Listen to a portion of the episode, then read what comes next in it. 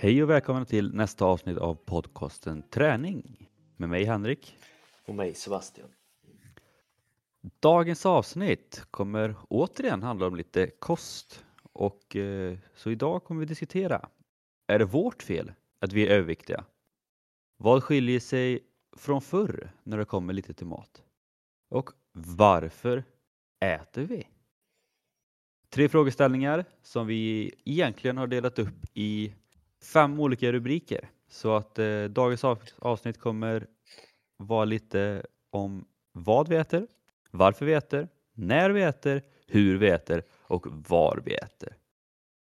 Fem klassiska frågor och eh, ja, vad tror du Sebastian? Jag tror det här är något som kan falla folk i smaken. Haha. Oh, oh, oh. Eh, jo, men jag tror eh, det är någonting som är högt relevant och eh, som nog ligger i mångas tankar faktiskt, men som kanske inte alltid kommer fram och är så tydlig att man har de här frågorna. För att även om vi lever i ett samhälle idag som kanske är mer body positive eh, och alla kroppar är fina och allting sånt så har vi väl fortfarande idag en, både ett litet tabuområde att prata om att varför man kanske är överviktig eller varför man vill se ut på ett sätt eller att man på något sätt inte riktigt vill prata om maten utan det är mer fokus på allting runt och maten får lite mer hänga med. Ja, verkligen. Och om vi går in då lite direkt på första rubriken som vi har, då, vad vi äter, så är du tagit med en punkt här som du kallar för triggermat. Ja, eh, det hör väl ihop lite kanske, skulle jag vilja säga då. Eh, vi, vi har väl länge pratat om att prata kring just kost och kanske då framförallt övervikt. Eh, men vi har också varit väldigt aktsamma får man väl ändå så säga och vi vet att det här dels är ett stort område men även ett ganska känsligt område. Eh, och det, det hör väl lite just med kopplingen till att vi är väldigt mycket överviktiga idag. Det är ingenting som går att komma undan och det är ingenting som jag heller tycker ska glamoriseras eh, överdrivet i alla fall. Det ska fortfarande finnas en eh, väldigt bra positivitet av att ha just eh, att man ska vara nöjd över sin kropp. Men när det går till lite mer sjukdomar som det faktiskt är fetma, då är det den här triggermaten som kanske idag är det största problemet och som vi inte riktigt kanske förstår varför det kan vara så svårt att eh, säga nej till just triggermat.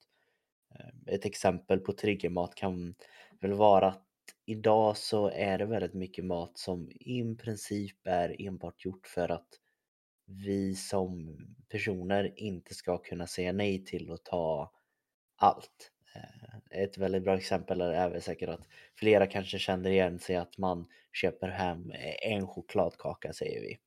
Och det är inte kanske det vanligaste att man bara tar en Eh, ruta utav den där chokladkakan utan det kanske går att man tar en rad och sen helt plötsligt tar, tänker man, ja men en rad till gör inget och sen, sen är det ju bara två rader kvar helt plötsligt och då, ja, men vi kan lika gärna ta hela chokladkakan. Lite liknande med att en hamburgare liksom kan eh, ganska lätt åka ner snabbt. Det känns nästan som att den, den är gjord för att ätas upp så snabbt som möjligt. Och det är väl det som är just med den här triggermaten, att den är faktiskt gjord för att du i princip inte ska kunna säga nej till den. Eh, forskare inom de här områdena, med, det är liksom massindustrier som har satsat hur mycket pengar som helst på att hur kan vi göra en produkt som folk vill ha mer och mer och mer och kan inte säga nej utav. Och det är väl triggermaten en stor grej till varför vi idag är väldigt överviktiga, att vi har lätt att få tag i triggermat idag. Men det vet man ju bara ibland när man sitter en kväll och käkar pommes frites typ. Alltså även fast man är proppmätt, finns det pommes frites kvar så fortsätter man ju typ äta det för att det finns kvar. Ja, och det är som men... du säger, det känns som att det, fin det finns mycket sån mat idag. Liksom. Att det, det är inte bara att det inte bara är typ snacks och godis och choklad och sånt som är det utan att det finns ja, men, mat också som är svårt att sluta äta. Ja, för det är ju som sagt att kroppen är ändå så gjord och det är det jag tror vi har svårt att förstå att än idag har den lite så här att har den någonting som är mat och som de här triggermaterna ger dem ut både lite endorfinkickar och dopamin och allting där att kroppen går ju, ska, den är gjord att liksom bli glad av att få i sig mat, att du ska känna ett sug och en motivation över att äta mer mat. För kroppen vet inte nästa gång du får i dig mat. Och det är så det alltid varit förut att hade man tur så kunde man kanske vandra flera mil och sen kanske man inte hittar något byte och jagar en dag men av någon anledning så hittar man till exempel lite honung och det är ju något som är samma, det söta goda vi trycker i oss så mycket honung som möjligt för att det kanske är det enda vi fick äta på de där två dygnen. Eh, så vi jobbar ju liksom redan där emot vår kropp att får vi de här maten som både kanske har sött, fett och salt som mycket av det vi äter idag har. Vår kropp är gjord för att inte säga nej till det. Den är gjord för att vilja ha mer utav det liksom. Ja. Man mycket, mycket vill ha mer eller vad man brukar säga. Ja, men exempel lite som du och jag pratade om här att om vi kollar utanför oss liksom att det är klart att det, det finns tillgång till annan mat och men hade man velat ha mat snabbt då är det liksom den här triggermaten som finns nära till hands. Tyvärr. Mm. Men det är också för att den är, liksom, den är lätt att göra. Den är lätt att ja, men, ligga några minuter utan att bli dålig. Ehm, mycket av den bättre maten kanske ofta tar lite längre tid att slå ihop och den vill man gärna ha så fräsch som möjligt. Det är det som gör att man kanske gärna åker på den här drive-inen och tar något snabbt. Så att... Ja. Ett eh, grej som man kan tänka på då när man börjar runda lite just den här triggermaten och man känner att oj det här det förstår jag utav att bara höra de här två prata om att det kanske inte är det optimala men det kan ju också vara svårt att veta liksom vad, vad som är men vad är bra mat då? När, när vad vi äter, vad, vad ska jag äta liksom? Någonting som eh, säger sig ganska självt men som kanske man inte riktigt tänker på det är ju liksom och om man kollar egentligen bak på all mat idag så finns det ju som sagt eh, vad, vad heter den? Tappar ordet Henrik. Eh, följ, inte följesedel men eh, Innehållsförteckning. innehållsförteckning, tackar. Heter det så? Mm. Ja det kan det säkert, vi säger det. Men det är ett väldigt bra exempel att om du tar till exempel, vad ska vi säga, eh, några sura björnar eller någonting säger vi och tittar du bak på innehållsförteckningen och då skulle jag vara om att majoriteten av sakerna som står där bak, du har ingen aning om vad det är. Det är antagligen väldigt svårt att uttala också majoriteten av sakerna. Men du har lite mer accepterat, ja det här är lite det som jag äter. Ja, det går väl bra. Men skulle man då kanske försöka att hitta någon lösning till det här att jag vill inte bara proppa i mig triggermat.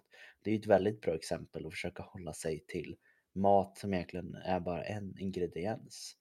Eh, ett exempel är, har du en potatis i handen då får du i dig en potatis.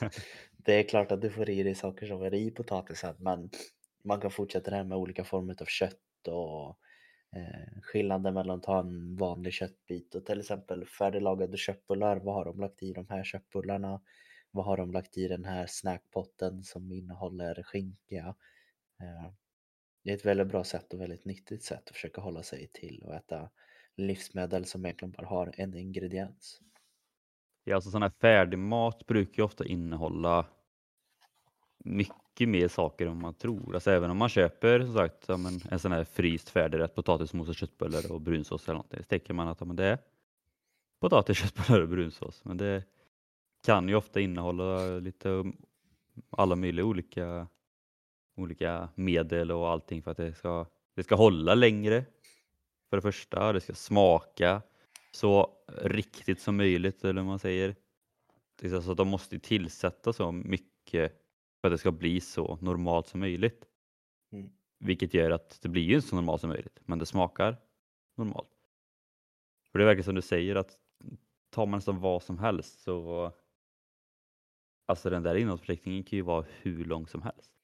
Ja men det är nästan läskigt faktiskt när man faktiskt får för sig någon gång att läsa på vissa grejer att allting har en bokstav och sen något kemiskt namn bakom sig och alla de här bokstäverna och allt det här konstgjorda blir helt plötsligt en färdig maträtt som ser exakt likadan ut som ja, vilken husmanskost som helst eller det, ja, det ser ut att bara vara choklad eller det är bara en efterrätt eller vad som men det är otroligt mycket för man vänder på förpackningen och läser lite.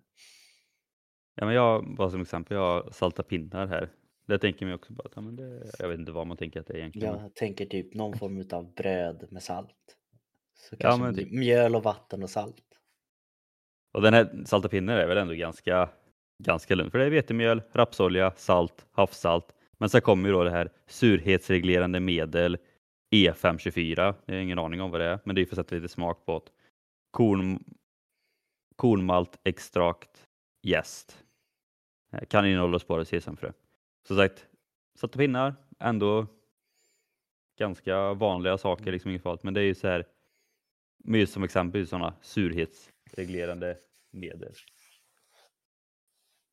Ja, och det är väl också igen med sån mat som om man kopplar det återigen till triggermat att vi äter ju väldigt mycket skit och det blir fortfarande att en bra maträtt som finns i affären ska ha saker som triggar igång dig, att du vill ha mer utav det. Annars är det ingen bra produkt. Om man hade gjort en, en glass som ingen vill köpa för den är äcklig liksom. Det, det hade ju inte funkat. Men gör man en glass som man vill bara köpa mer och mer utav, då är det ju en jättebra produkt.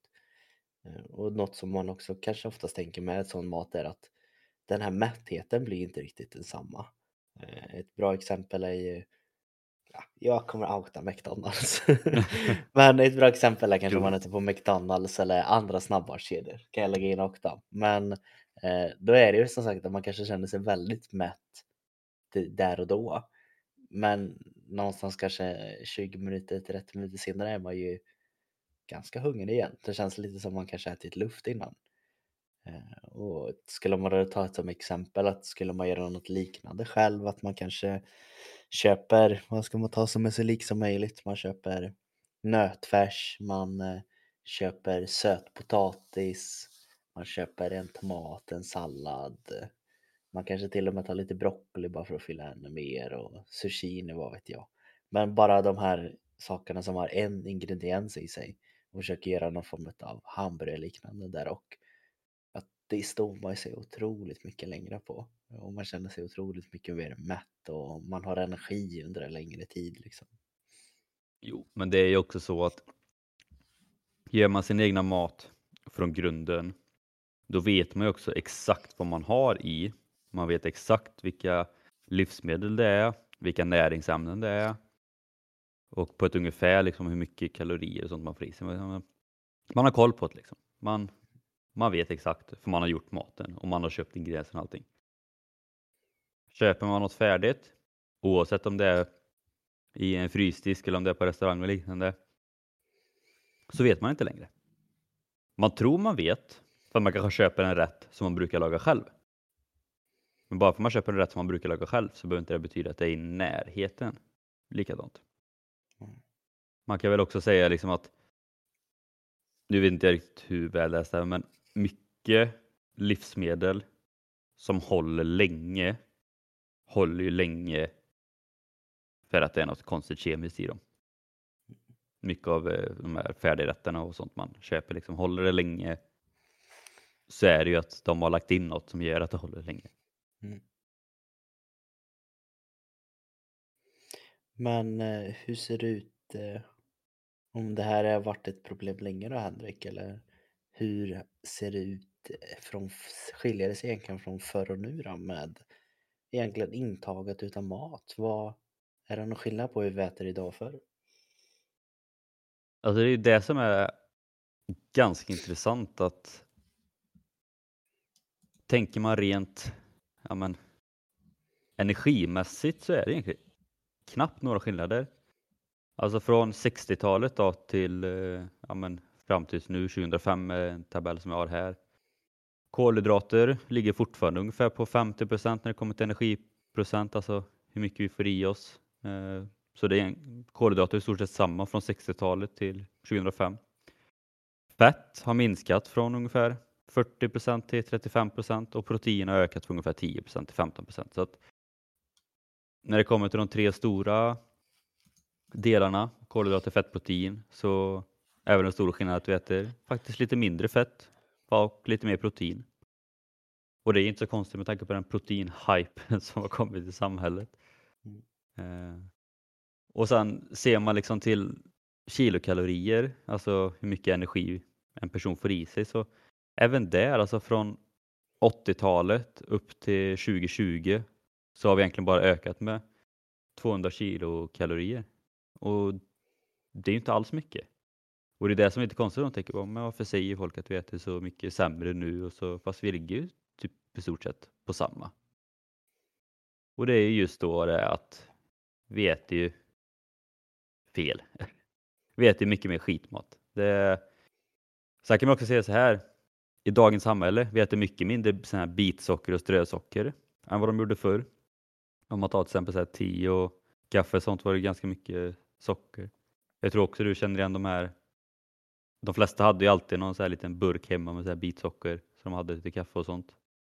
Mm. Eh, men vi äter också mer frukt och grönsaker än vi gjorde förr. Så där tänker man också på, ja men då äter vi bättre än vad vi gör nu. Men det är just det att vi äter liksom mer så kallade tomma kalorier idag och som kommer från ja, all skitmat och snabbmat och allt sånt. Mat utan någon större näring som dessutom är framtagen för att vi verkligen ska älska den och äta även när vi inte är hungriga, precis som den triggermat som Sebastian pratade om. Så det är just det att vi gör väldigt mycket bra. Vi har minskat på socker, vi äter mer frukt och grönsaker. Vi håller oss liksom i, fortfarande i fas med kolhydrater, fett och protein och allting. Men det är just det att även fast vi äter så mycket bra så äter vi tyvärr sämre utav den riktiga maten, måste jag säga. Mm.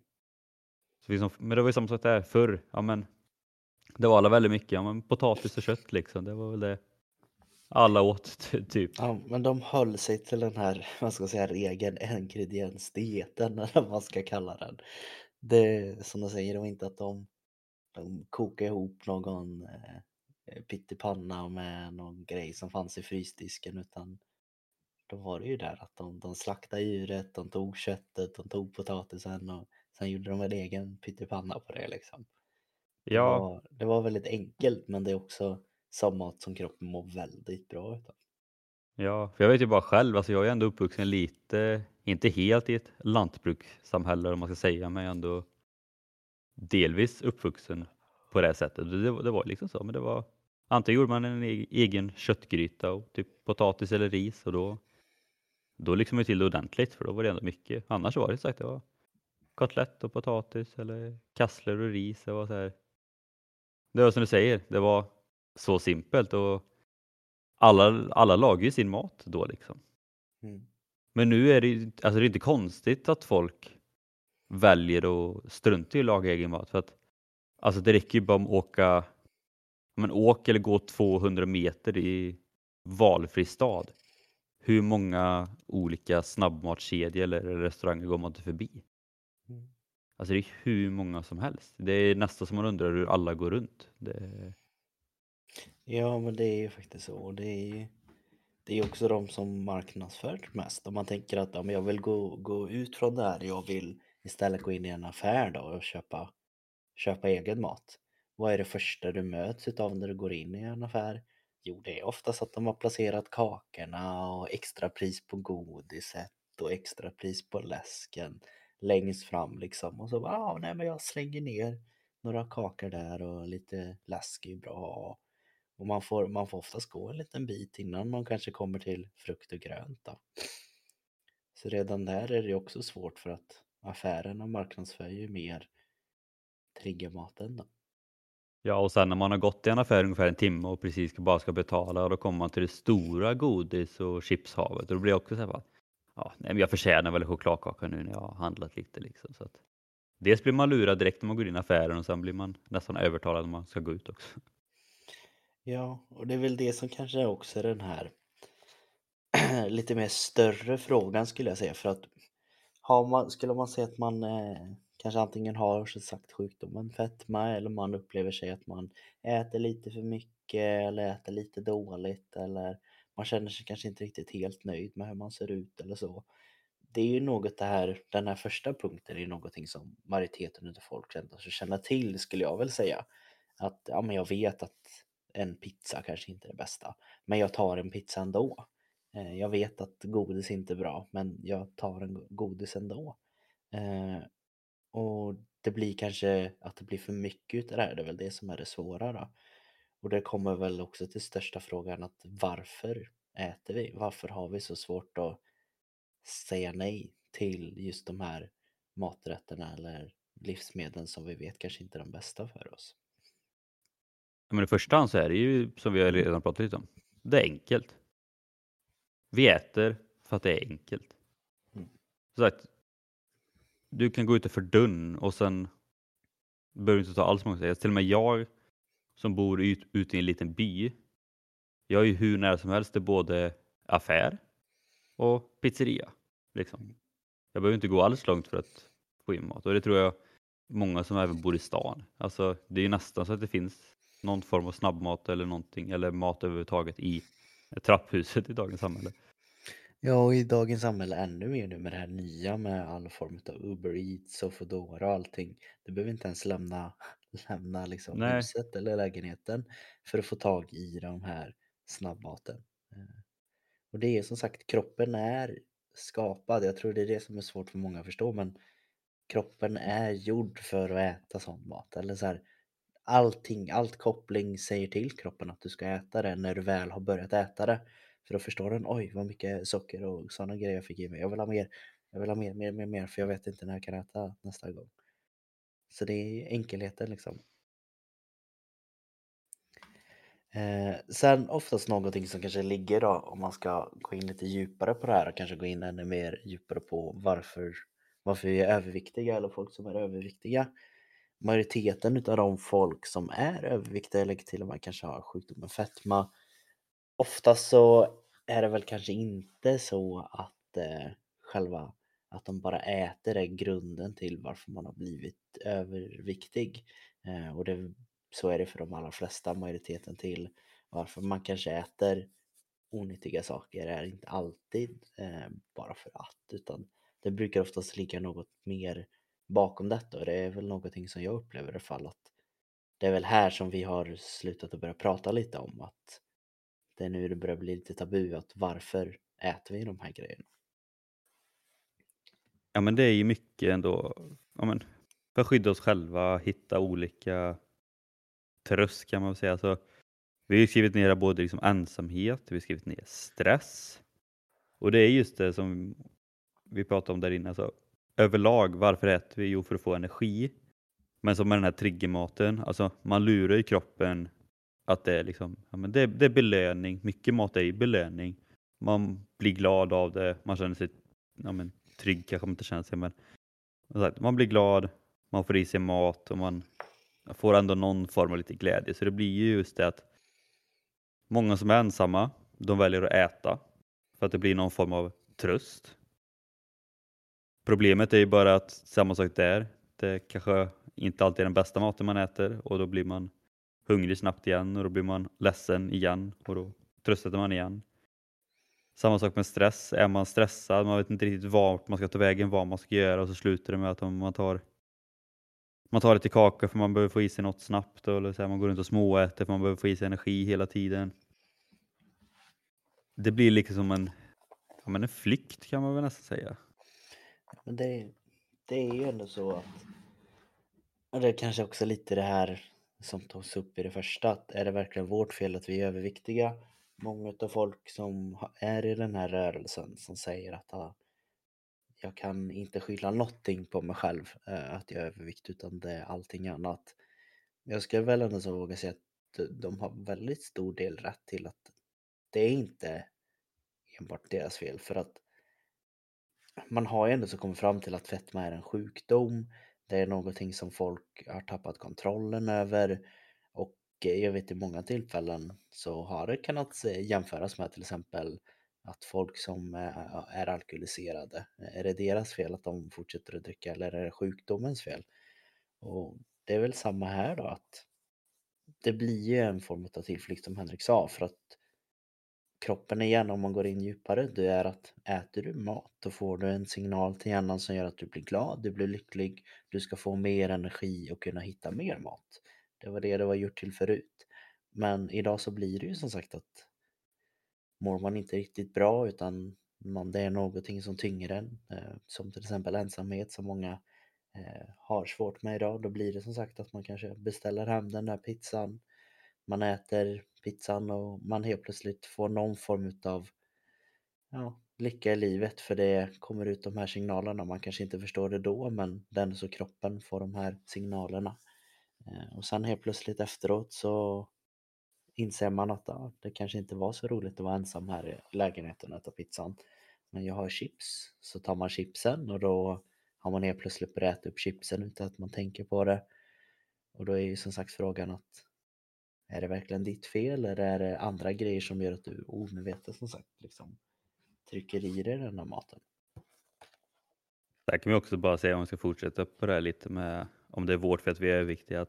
Man hör ju ändå ganska ofta från olika medier och forskning liksom att ja, men, ja, vi går upp i vikt och vi är mer stillasittande och allting och många vill ju ändå lägga allt ansvar på personen. Det är klart att ja, men det är den personen som tycker i sig maten. Men, men återigen, ser man på samhället hur det är uppbyggt idag så är det ju nästan att samhället vill ju att vi blir mer stillasittande. Samhället vill ju att vi äter mer skitmat. Det är ju samma, alltså, kollar man i en affär, liksom, den, vad är det som är billigt att köpa? Skitmat. Och vad är det som är dyrt att köpa? Bra mat, ekologisk mat. Det, och det är klart att ja, men det krävs ju kanske mer för att få fram ekologiska produkter och liknande. Då ska de ha mer pengar, absolut. Men det blir så konstigt att lägga också så mycket skit på den enskilde individen. Jag menar, har man inte så stor inkomst, ja, men då, ja, då man får köpa det man får liksom. Mm. Ja. Och skulle man då kanske känna och sitta så här att jo men det här är någonting som ändå så träffar mig. Det är lite så här jag känner att jag vet att jag inte ska äta på det sättet som jag gör men jag kan inte lösa det liksom. Vad, vad, vad ska jag göra? Då har jag i alla fall, dels för att vi har pratat mycket om det i, i podden överlag, men jag blev även eh, påmind igen när jag läste just en liten bok kring detta. Eh, och det är som sagt att använda sig utav att skriva ner eller dokumentera saker som händer i sitt liv. Eh, jag vet att Henrik har pratat väldigt mycket om det här. Han har pratat om att det är många positiva effekter på att skriva ner både mål och progression och allting med just det mentala och det är exakt samma här om man ska då tänka just kring eh, maten. Ett väldigt bra exempel på hur man skulle kunna minska på till exempel den här småätandet eller den här onyttigheten eller få just de här små belöningarna som man i slutändan ångrar sig mer utav att varför åt jag det? Jag vet att jag inte skulle göra det.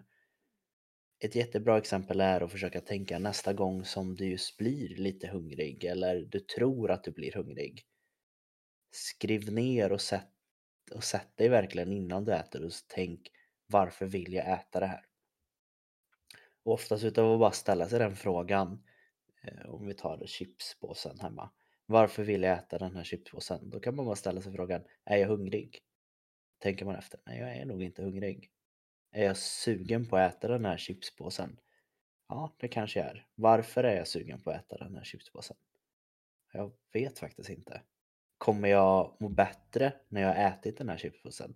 Nej, jag kommer inte må bättre för jag vet själv att jag, jag blir ännu mer ledsen för att jag har tryckt i mig ännu mer mat. Eh, finns det något, någonting som jag saknar? Är det därför jag vill äta den här chipspåsen? Och då kanske man kommer fram till som det är för väldigt många just den här, antingen är det en form av ensamhet. Eh, det kan även vara en form av trygghet, att man har kopplat liksom att man kanske har tappat kontroll över andra saker i livet. Ett väldigt praxisexempel är väl kanske många kan känna igen sig att man haft en skitdag till exempel på jobbet. Eh, chefen kanske har skrikit åt en och man har inte kunnat liksom stå upp för sig själv. Men då känner man liksom, nej nu när jag kommer hem då ska jag, då ska jag bara äta mat för det kan ingen se liksom någonting om. Eh, men det kanske är istället att det du hade behövt där till exempel kanske att ringa en vän eller prata med någon som du känner eller är det så att man just har den här svårigheten att man känner sig ensam, man har ingenting att prata med. Då finns det ju väldigt bra exempel på till exempel att börja med någon gruppaktivitet eller kanske bara gå ut på nätet och söka efter forum där det finns folk som har samma problem. Att varför äter jag? För oftast är det när man tänker efter i de här svåra tillfällena när man sitter med mat att vill jag verkligen äta det här? Då kommer man oftast på sig själv att jag vill nog egentligen inte det. Eh, så det är ett väldigt bra tips om man vill komma förbi den här ätandet utan att man är hungrig Att skriv ner varför du vill äta. Är det så att du får massor med svar att du vill äta på grund av att du är hungrig, du behöver energi, ja då får du väl äta då, men kanske börja äta något nyttigare först och se om du vill unna dig själv den här hamburgaren eller pizzan ändå. Och då får du göra det, det är inget fel med det. det vi måste ta hand om oss själva och ha lite lyx i vardagen ibland, men ibland kan det vara så att du kommer på det att aha, jag kanske inte mår bättre av att äta pizzan utan det kanske hade mått lika bra om jag hade ätit det här äpplet och jag hade fått samma belöning och jag känner mig ännu mer glad efteråt för att jag inte åt pizzan. Så våga och reflektera helt enkelt. Det är värt att testa om inte annat. Det är det. I alla fall om man känner det är någonting som man har lite problem med.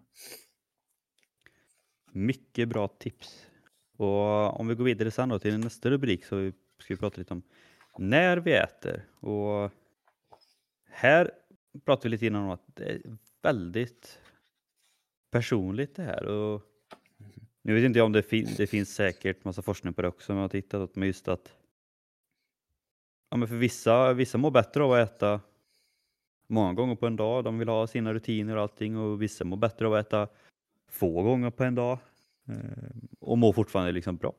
Så att eh, jag vet inte, vet du om det finns något så här? Är det något optimalt? Jag vet ju att det finns ju något som säger att man ska äta ungefär men runt sex mål om dagen brukar man ju säga för att sprida ut över hela dagen och allt sånt där. Men det är väl typ det jag, jag har hört. Eh, om man, jag tror det finns, det är så otroligt mycket forskning kring eh, när man ska äta och hur, när man ska äta egentligen. Eh, och det är nog olika beroende på vad det är man vill tro på, hur de har vinklat forskningen.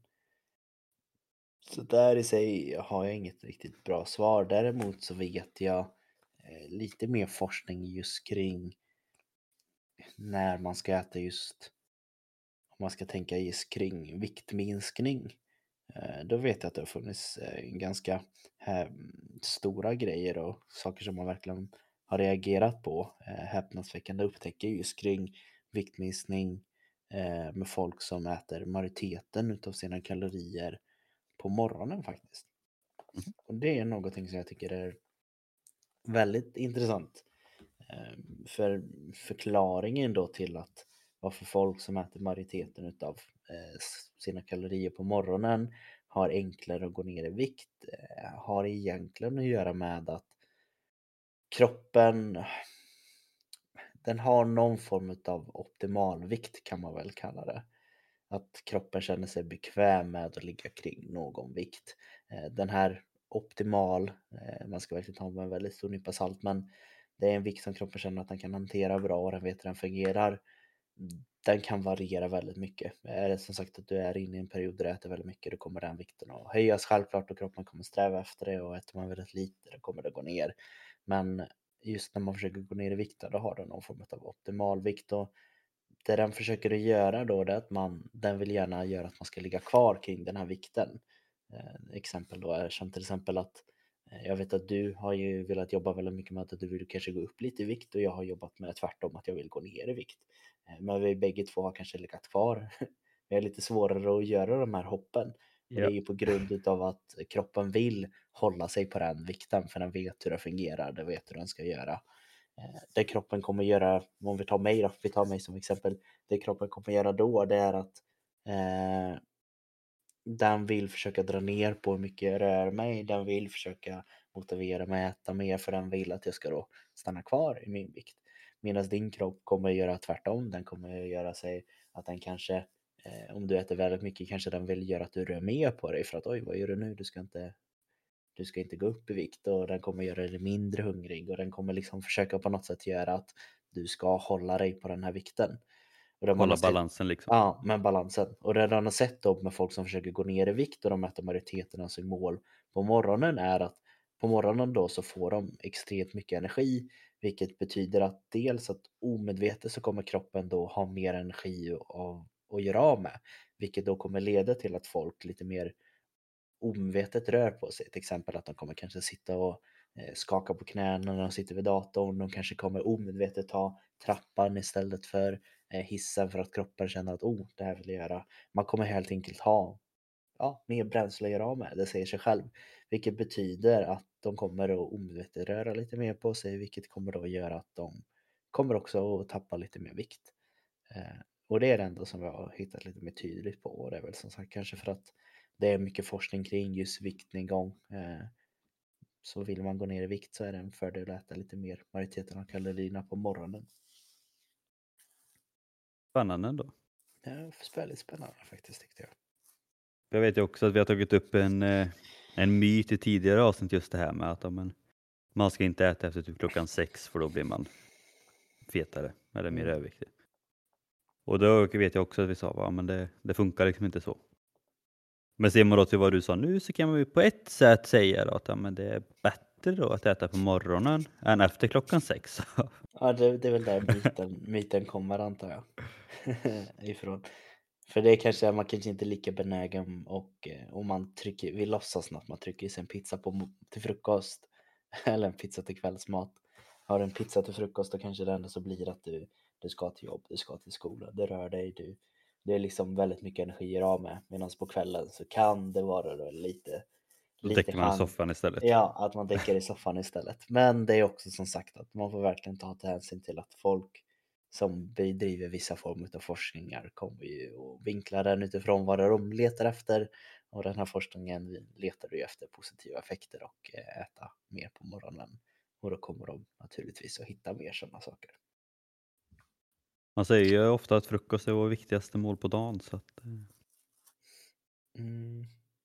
Du och jag har väl lite svårt för det vet jag. Jag kanske är lite Ja. mer att jag kan hålla med om det. Eh, Men ja. Eh, men jag äter, ju, inte- jag äter ju inte frukost bara för jag vill inte gå ner i vikt. Så att, Ja, det är därför ja. Så tänker du. Ja, jag har ju hört att det ska vara bra så. så att, Nej, men något man också kan tänka på är väl egentligen eh, kring tid som du sa, som vi pratade lite om där i början. Att när äter vi? Alltså man verkligen tänker efter eh, när man äter som sagt att det kan ju vara faktiskt om man inte äter så mycket eh, frukost till exempel så kan det vara att du har större chans till exempel att kanske ta med dig en chokladkaka på vägen och sen så äter du ändå så en liten frukost där och det blir att när det inte är så uppstyrt så är det ofta större chans att kroppen får de här krascherna eh, och kan då liksom verkligen säga jag får aldrig i mig mat. Men när du väl har mat så tänker kroppen att oj, jag får aldrig i mig mat, jag måste äta så mycket som jag kan nu helt enkelt för att kunna överleva till nästa gång. Och då kan det samma sak bli där att man kan ha lite enklare att eh, gå upp i vikt. Man kan även samma sak vara om man vill gå upp i vikt att kroppen har svårt att hitta någon liksom balans i det. Den försöker mer bara överleva. Mm. Sen är också rutiner oerhört viktigt.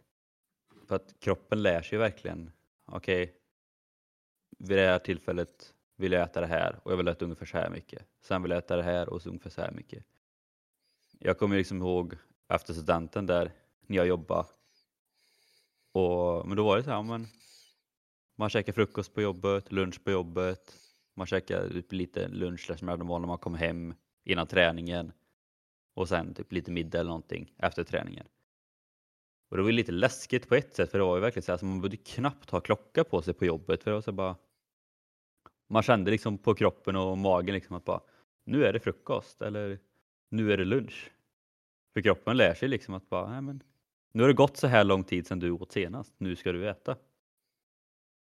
Och det är det som är viktigt då, att ha med rutiner så lär sig kroppen som sagt att nu ska du äta och jag vill att du äter så här mycket.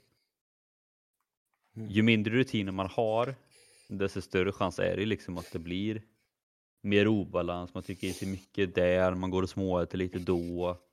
Man liksom inte har någon riktig, riktig plan, man vet inte vad man ska göra. Medan har man rutiner i både jobb och träning och allting så vet ju kroppen precis hur mycket du ska äta för att klara dig till nästa måltid. Utan att det blir varken för mycket eller för lite. Och det är det som är lite läskigt men ändå häftigt med kroppen. Ja, man börjar undra lite så här. mm, Skalmans mat och sovklocka liksom. Har vi, har vi en sån inbyggd egentligen? Jag tror ändå så han är något på spåren där Skalman att eh, vi har något sånt inbyggt. Det är verkligen som du säger läskigt att man känner nu, nu är det lunch och så är det lunch på riktigt. Den är 12 prick liksom. Ja, för det kommer jag ihåg. Alltså, jag tyckte det var... När man hade liksom mycket på jobbet så man, man bara körde på liksom. Man bara, fan nu, nu är jag hungrig alltså. Så har det gått, tror man klockan är typ ja, man sagt, halv elva och sen halv tolv istället. Så har man typ missat en timme. Men det var ju även så det funkade förr i tiden när man inte hade några klockor. Alltså, kroppen säger till, nu är det dags att äta. Mm. Lite så.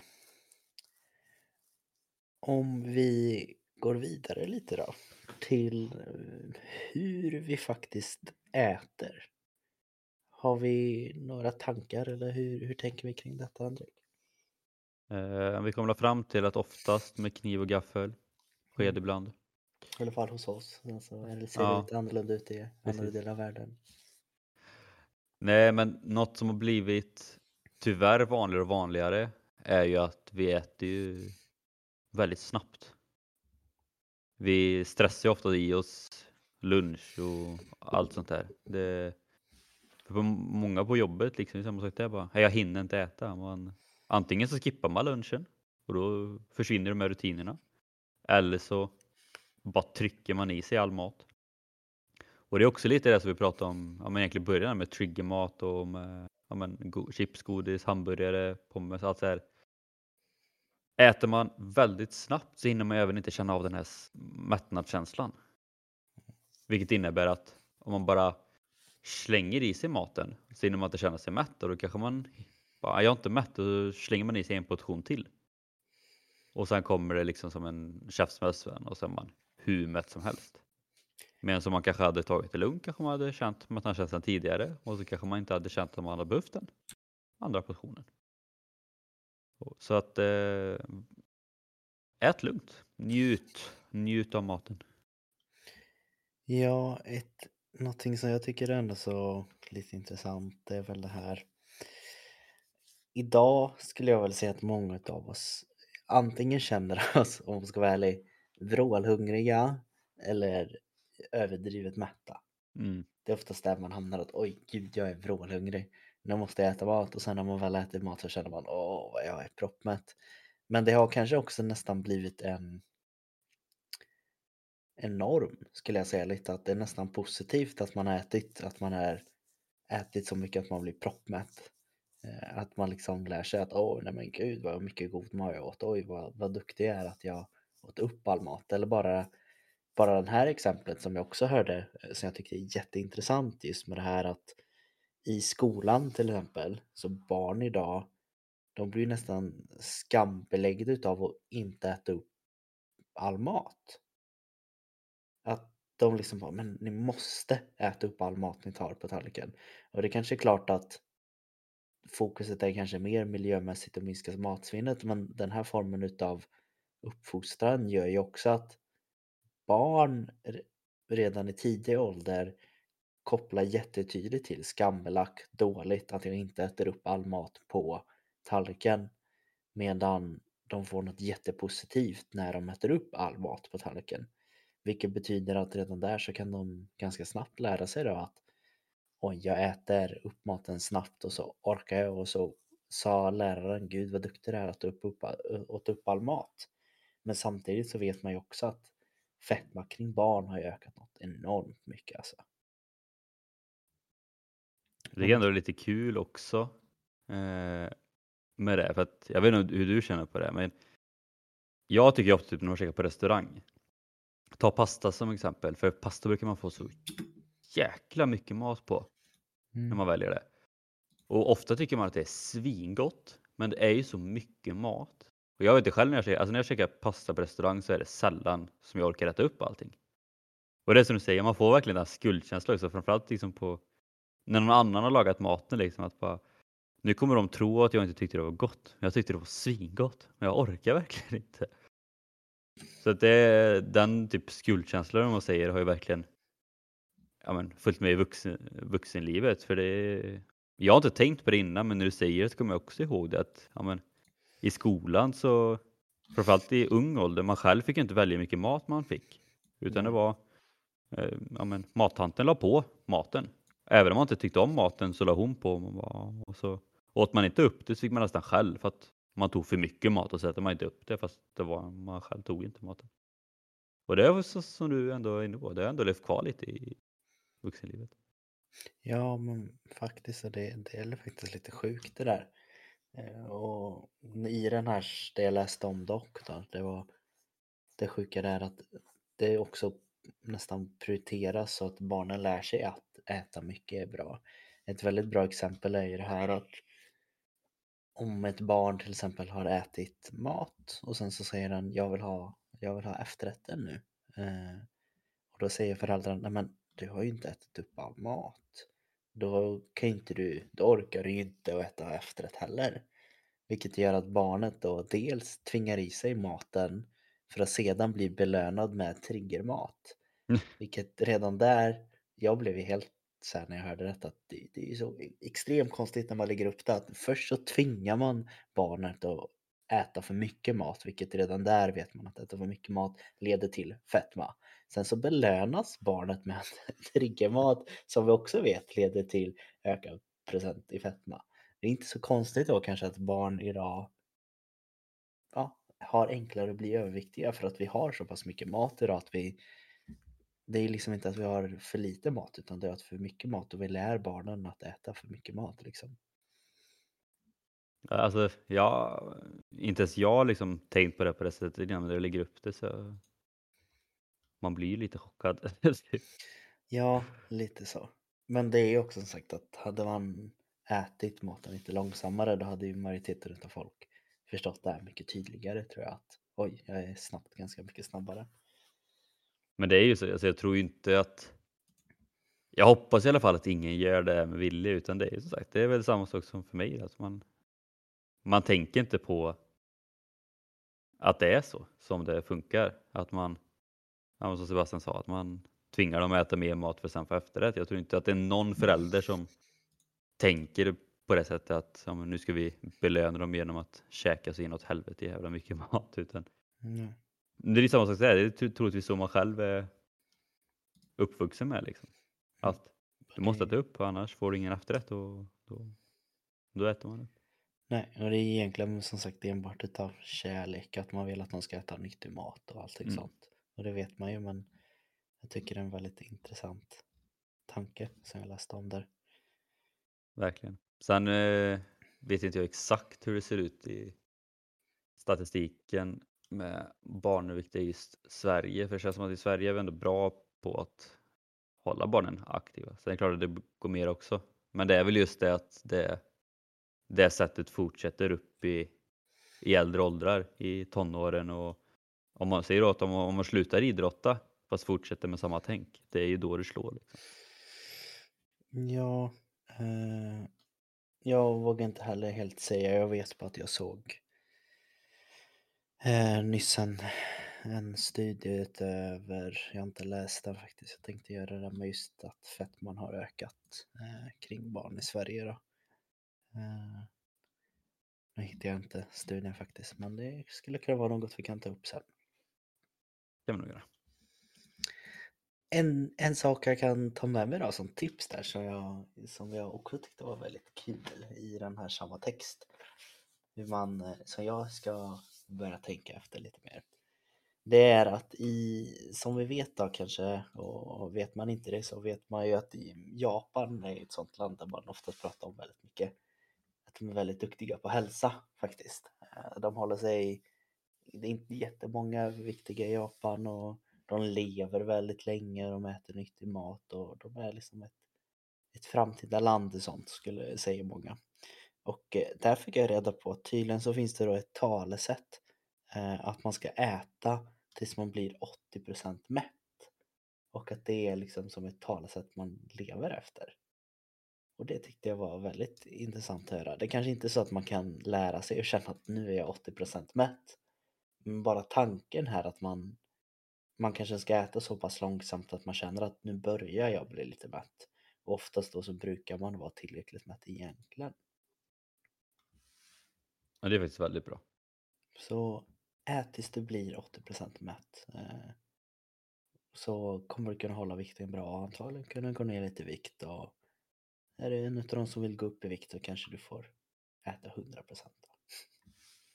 Ja, men det är verkligen sant för att ja, men de gånger man äter man blir 100% mätt eller man säger Man tyvärr så är, nej, men så här, man är ju för mätt för att göra någonting så blir det ändå att man ligger i soffan för man orkar typ inte göra någonting. Och jag vet själv som sagt, för jag pratade lite om det innan, att jag är en sån person som jag kanske inte äter jättemånga gånger om dagen utan jag äter ofta en väldigt stor lunch till exempel. Och för mig brukar det ofta vara så att jag gör en så jäkla stor portion. Och sen när jag kommer typ, om vi säger till en 80% gränsen, då är det så här att ja, men antingen har jag ändå tillräckligt mycket mat kvar för att det kan vara värt att spara och käka typ efter träningen på kvällen eller någonting sen. Eller så är det så pass lite så det är inte värt att spara som att tvinga i sig det istället. Och jag För du, har, märker du har lärt dig när du var liten att man ska äta upp det som är på tallriken. ja men det är så här, Du vill Ja, inte säg- slänga det för du känner nej, ja men säg, säg att det, ja men det är ju så, säg att det är ja men ett par gafflar till liksom. Så här, det är jätteonödigt att slänga för det är ganska mycket mat att slänga. Men det känns onödigt att spara för att det kommer man inte bli mätt på ikväll liksom. Nej. Så att det är ju egentligen smart att om, om antingen kan jag bara ta mindre portioner eller bara sluta äta innan ska jag spara till kvällen. För jag märker att de gånger som jag ändå sparar mat till kvällen så att det är jävligt mycket gött att när man kommer hem från träningen, man är lite småhungrig eller så här. Det är rätt mycket godare att käka till exempel ja, men carbonara eller kycklinggryta än att rosta några mackor. Så det är ganska gött att ha kvar lite mat också. Plus att man är mycket piggare på träningen för att man inte har proppat i sig 120 procent. Ja, alltså jag tror det hänger så otroligt mycket i kulturer. Alltså för att det här att, att spara mat. Det är säkert i vissa hushåll så är det säkert en norm men jag tror inte det är så vanligt här kring vår västvärld heller att man så här ska spara maten. Att då slänger man den hellre än att spara den till dagen efter liksom. Ja men det är för att vi, alltså västvärlden är ju ändå så pass rikt eller man säger så, så bara, ja, men det är inget att slänga. Och sen för att det finns ny mat imorgon. Ja. Och det är ju lite samma sak återigen om man är uppvuxen i skolan då att ja, men, även om du inte är upp maten ja, men då slänger man det för att imorgon så är det ny skolmat liksom. Alltså Mm tyvärr. Ja, och ett jättebra exempel på det här man kanske äter 80% mätt om man tänker om man går över lite till östmedel igen och tänker kanske de asiatiska. Det vet ju jag att majoriteten av många frukostar är ju till exempel att man har tagit riset som blev över från gårdagen som har blivit kallt och tråkigt. Man lägger i det en bok, man lägger tillsammans det med lite ägg och lite andra grejer och det är ens frukost liksom. Att det är så normalt för dem att ah, jag åt inte upp allting igår kväll. Ja, men då tar vi det till frukost. Istället för att de, som du sa där, att ja, det här är så lite mat att ah, jag måste nog pressa i med det. Och där kanske de tänker mer att ja, men det är frukost imorgon liksom. Så brukar jag alltid göra när jag äter pizza. Då brukar jag alltid spara en eller två slicer bara för att då blir man inte där äckliga mätt på kvällen innan. Och så har man en jävligt lyxig frukost då. Perfekt. Nej, nu har vi väl egentligen eh, den sista kvar lite bara. Och det är egentligen att prata lite om var vi äter. Eh, och lite hur det skulle kunna påverka just tanken om övervikt och andra grejer. Det ena är ju dels som jag pratade om innan också, just det här med att ja, men det, det kan vara svårt att hitta nyttig mat. Alltså, och ja, men är man är man ute på någonting, jag menar, man, är, man är och handlar eller man är ute på promenad eller bara är i stan eller på en roadtrip eller vad som helst. Så, shit, nu blir jag hungrig. Eh, galet hungrig från ingenstans. Bara, men var ska jag äta? Och så åker man förbi McDonalds, man åker förbi Max, Burger King. Alla de här snabbmatsställena. Så bara, ja, men jag är sugen på något nyttigt. Så bara, det finns inte, bara för jag måste ha mat nu. Ja, men då svänger man in, man åker till drive-thrun. Man får sin mat på, ja det beror på om det är men, ja men det går så snabbt. Och så är man ute på vägen igen sen liksom. Och så kanske man äter i bilen också. För att man vill spara tid liksom. Det, medan ska man hitta något bättre, nyttigare, kanske man måste in på någon riktig restaurang och så ska man kolla på menyn och så ska man beställa och ska de laga maten och så tar det tid liksom. Det, det är väl därför som det har blivit mycket mer snabbmat och liknande. För att det, det finns överallt, det går snabbt och det är smidigt. Och det är väl det som som sagt är det, det svåra just med VAR att det, det är svårare att få tag i nyttig mat än eh, allt annat. Eh, sen så kan det även vara kopplat mycket skulle jag väl säga till eh, var vi äter lite mer om man tänker jag tänker som förr och i andra delar där det kanske är mer en tradition att man äter tillsammans. Eh, att liksom det platsen är att vi ska äta i matsalen eller vi ska äta kring det här bordet. Att I de kulturerna så kanske det är mer att vi samlas, vi lagar maten tillsammans, vi pratar under tiden och sen äter vi tillsammans och sen så diskar vi tillsammans. Och det har liksom blivit en väldigt, eh, ja, men väldigt tradition kring det. Vilket eh, ett exempel är, som jag vet att de tog upp är eh, Italien och Frankrike. Att det, det är stor matkultur där. Eh, trots det så är de ändå så relativt eh, hälsosamma och inte så mycket övervikt. Skulle man då jämföra det med, jag läste samma som till exempel i i England, eh, Storbritannien, eh, där så är det många utav familjerna eh, som inte äter mat tillsammans till exempel. Att någon äter i köket och sen så sitter någon i, vid soffan och sen sitter den andra i andra delen av soffan och kollar på mobilen och någon sitter där. och Det blir mer att man ja, det är liksom inte riktigt fokus på maten utan det är mer bara fokus på att jag måste få i mig energi och sen blir det fokus på annat. Att man inte riktigt har en specifik plats där det är bara fokus på att sitta och njuta av maten. Det kan också vara en faktor till att man inte riktigt känner mättnad eller ja, kanske äter, blir motiverad till att äta bra mat. Liksom. Lät ändå lite sorgligt. Typ. ja men det, det är väl lite så. Eh, tråkigt nog att det är mer vanligt idag att man sitter framför tvn och istället för att kanske sitta vid matbordet och prata med familjen kan jag tänka mig. Ja, men det vet ju även alltså på många jobbplatser, det är ju samma sak där att folk käkar sin lunch på kontoret mm. istället för i lunchrummet med alla andra. Och det har mm. väl delvis med stress att göra för att man känner att man ligger efter. Men det blir också så här att Ja, du får nog inte jättemycket gjort om du ska äta samtidigt ändå. Då kan du lika gärna slappna av, ta 30 minuter och släppa jobbet lite också.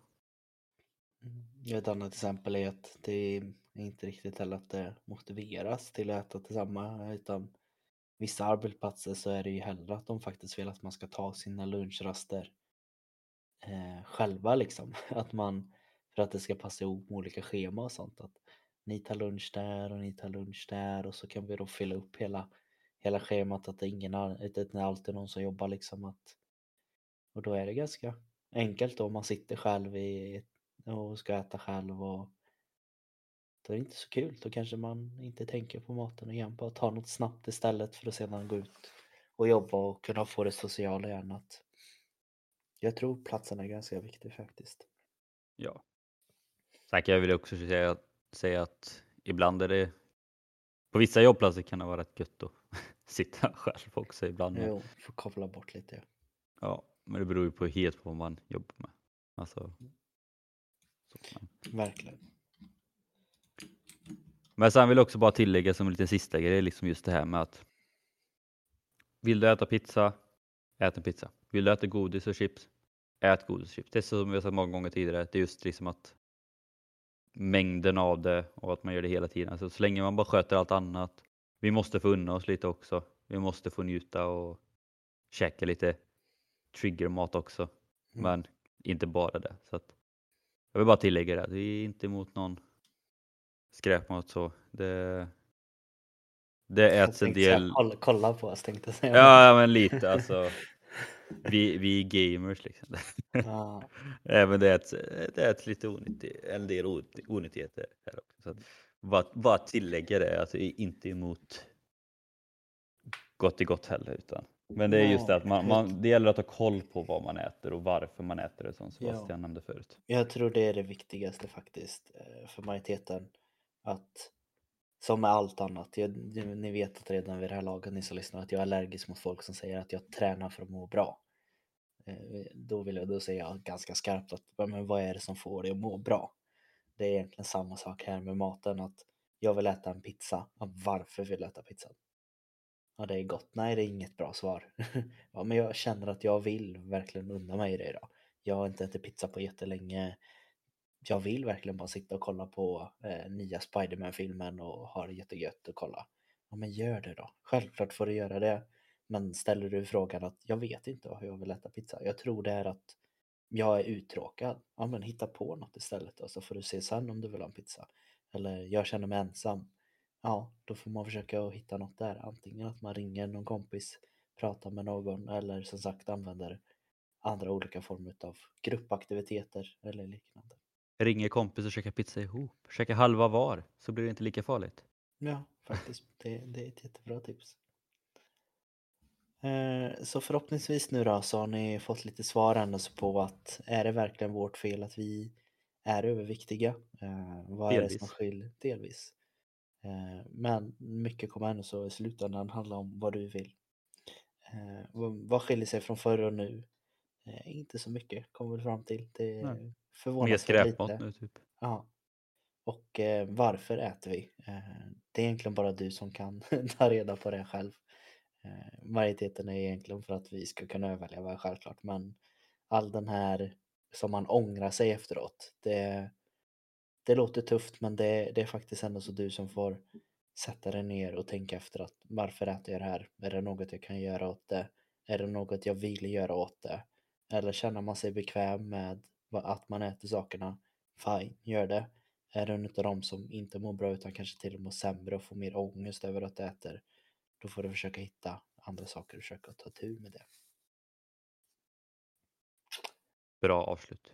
Bra avslut. Annars är det väl som vanligt då att vi tackar er som lyssnar. Vi är oerhört tacksamma över det. Eh, Och hoppas att ni fortsätter att lyssna på oss och att ni fortsätter att kunna dela den här podcasten med nära och kära och kanske jobbkamrater eller vem vet vad nu för tiden. Och annars är det väl som vanligt att eh, med de orden så tackar vi er och eh, vi hörs nästa vecka helt enkelt. Det gör vi. Ha det gott.